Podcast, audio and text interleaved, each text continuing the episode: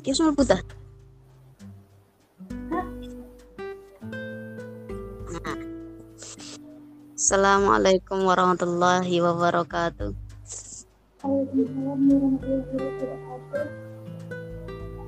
Perkenalkan nama saya Irani Aminatul Solihah. Saya mahasiswa YN Tulungagung dengan prodi tasawuf psikoterapi kelas 2A. Alhamdulillah Rabbil Alamin para pendengar yang berbahagia semuanya kita masih diberi kesempatan oleh Allah Subhanahu wa taala sehingga masih diberi kesempatan untuk merasakan kenikmatan dari keberkahan bulan Ramadan ini. Pada kesempatan kali ini saya dan teman saya akan sedikit mengupas materi tentang asap nuzul Al-Quran. Pembicaraan kali ini guna untuk memenuhi tugas UTS mata kuliah studi Al-Quran dan Hadis. Dan teman yang saat ini menemani saya dengan Mbak. Perkenalkan nama saya Findriani Siana Damasari dari Prodi Tasawuf Psikoterapi kelas 2A. Baik. Jadi sebelum kita membahas asab an-nuzul Al-Quran, tentu saja kita perlu mengetahui pengertian dari Al-Quran itu sendiri. Nah, dari yang saya pelajari dan yang sudah saya pahami, Al-Quran merupakan kalamullah atau berfirman Allah yang diturunkan melalui perantara malaikat Jibril kepada Nabiullah Muhammad SAW dengan secara berangsur-angsur kurang lebih selama 23 tahun. Adapun diturunkannya Al-Quran sendiri itu merupakan sebagai petunjuk, pedoman, dan juga sebagai kabar gembira untuk Rasulullah SAW yang turunnya sesuai dengan tempat dan waktu yang ditentukan oleh Allah. Itu mbak. Menurut sampean bagaimana? Kalau menurut saya Al-Quran itu merupakan ujaran wahyu yang terkodifikasikan dalam bentuk teks-teks tersebut merupakan sekumpulan tanda-tanda bersistem yang mengandung pesan-pesan Allah Subhanahu wa taala yang mana itu untuk disampaikan juga kepada umat-umat manusia. Peran Al-Quran sendiri dalam peradaban umat Islam itu sangat besar kan. Sebab itu Nas Hamid Abu Zaid mengatakan bahwa Islam merupakan peradaban teks atau peradaban makulyo atau dalam term ahli al-jabiri disebut sebagai hadlarah al atau hadlarah al-bayan gitu. Iya. Itu menurut yang sudah Mbak belajar ya? Iya. Nah, sekarang kita lanjut merujuk pada ashab an-nuzul itu sendiri.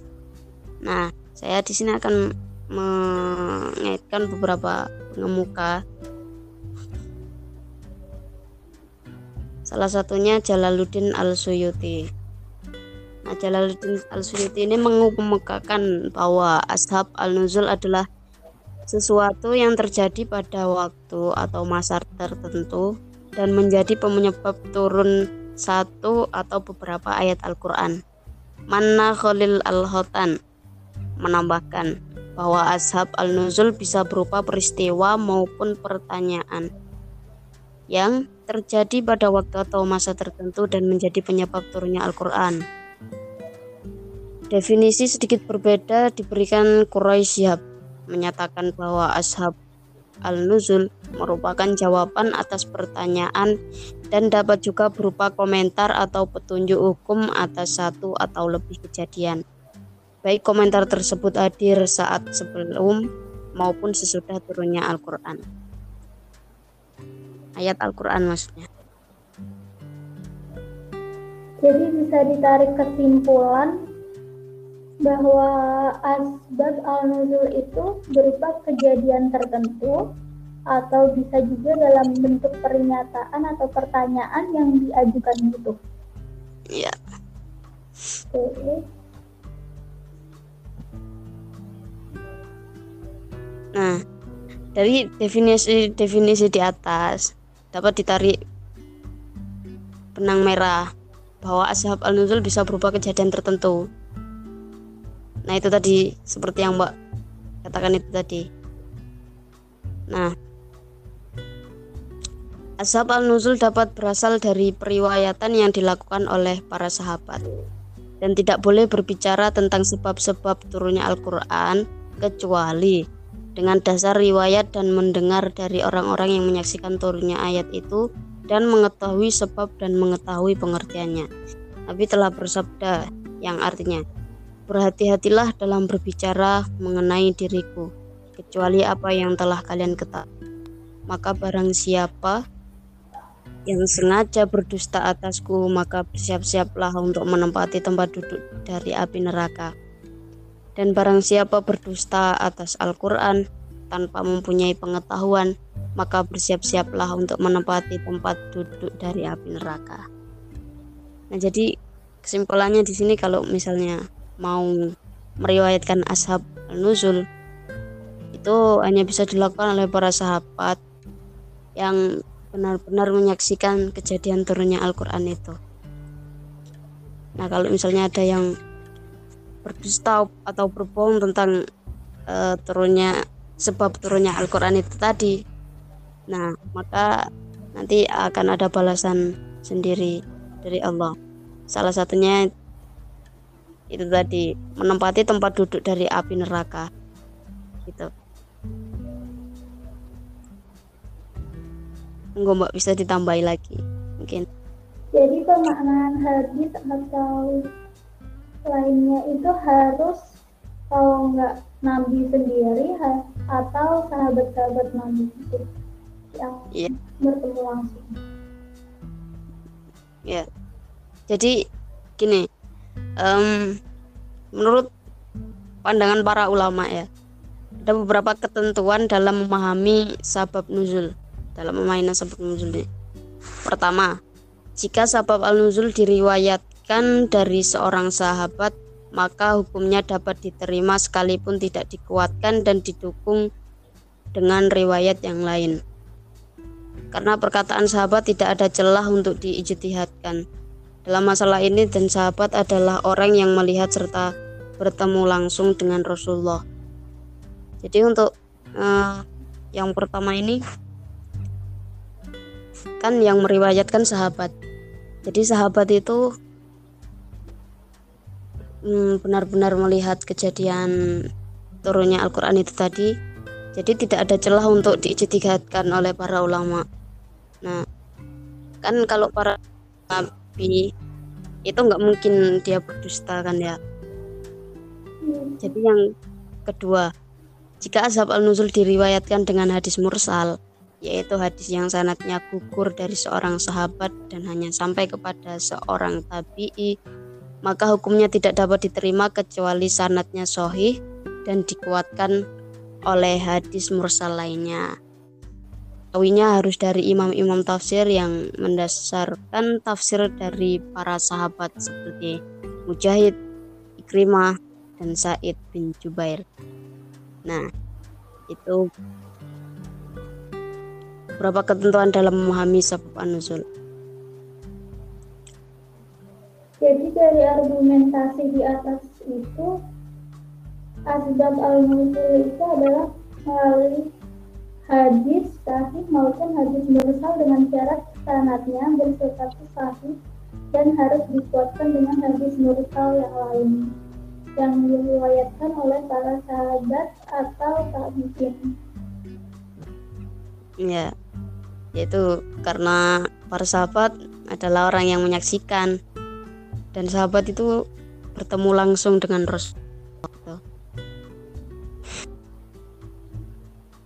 Nah, ada beberapa informasi bagi para pengkaji Al-Quran yang secara khusus ingin mendalami ilmu asab nuzul. Jadi kalau ada beberapa cara khusus untuk pengkaji Al-Quran itu. Apa aja sih? Satunya itu ya eh, bukan salah satunya sih beberapa beberapanya itu nah ini literatur hadis Nabi Shallallahu Alaihi Wasallam jadi beberapa buku hadis yang dapat menjadi sumber ashab al-nuzul. Nah, kita bisa kita cari dari buku-buku itu. Kalau misalnya mau mengkaji Al-Qur'an, mau mendalami ashab al-nuzulnya, bisa lewat buku-buku itu atau memahami atau mempelajari buku-buku itulah ya. Nah, buku-bukunya apa aja? Ini ada Al-Muwatta, kitab karya Imam Malik Ibnu Anas, ada Al Musnad, ada Sahih Bukhari, ada Sahih Muslim, Sunan Abi Daud, Al Jami atau Sunnah Al Tirmizi, dan juga ada Sunan Ibnu Majah.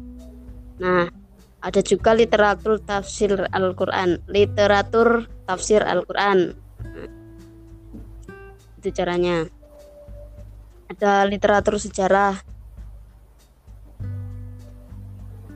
Enggak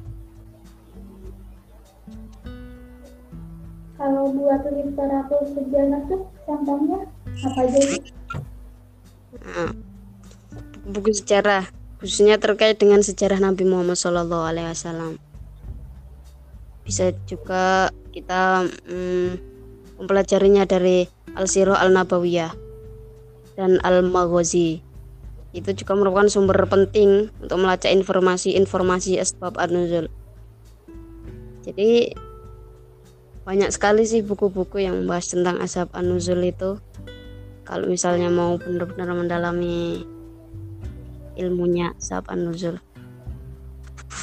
baik mbak mungkin itu saja yang bisa kita diskusikan kali ini ya. Sangat bermanfaat sekali.